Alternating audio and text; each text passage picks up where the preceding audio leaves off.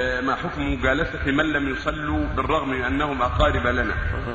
وأخ ونفس السؤال ما حكم زيارة القبور لطالب هذا له تعلق بالمحاضرة. كذلك السؤال قبل له تعلق بالشيعة له تعلق بالمحاضرة.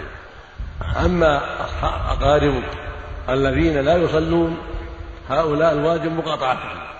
وأن لا تزورهم وأن لا يزوروه وأن لا تدعو تدعوهم إلى وليمة ولا تقبل دعوتهم إلى وليمة.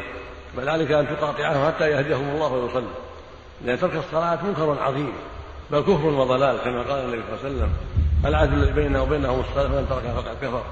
وقال عليه الصلاة والسلام بين الرجل وبين الكفر والشرك تكون الصلاة.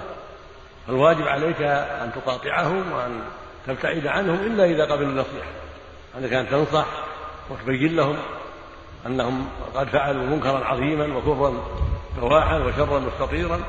فعليك أن تنصحهم وتبين لهم خطأ ما وقعوا فيه وأنه منكر عظيم وأنه كفر وضلال لعل الله يهديهم بأسبابه. وعليك أيضا أن من له كلمة يقدرونها منه أن ينصحهم ويوجههم إلى الخير. فإن أجابوا فالحمد لله وإلا فوجبت مقاطعتهم وهجرانهم حتى يتوبوا من هذا العمل السيء. أما زيارة القبور لطلب الموتى والاستغاثة بالموتى هذا كفر أكبر هذا الشرك الأكبر أن يزور الموتى كالذي يزور الحسين. في مصر أو عبد القادر في العراق أو غيرهم يسألونهم قضاء الحاجات أو المدد المدد هذا كفر أكبر. وهكذا في أي بلاد. من يزور الموتى لطلب الحاجات منهم أو شفاء المرضى أو المدد أو العون هذا كفر أكبر. هذا دين المشركين الأولين بالله. هذا دين قريش الكفار نسأل الله العافية.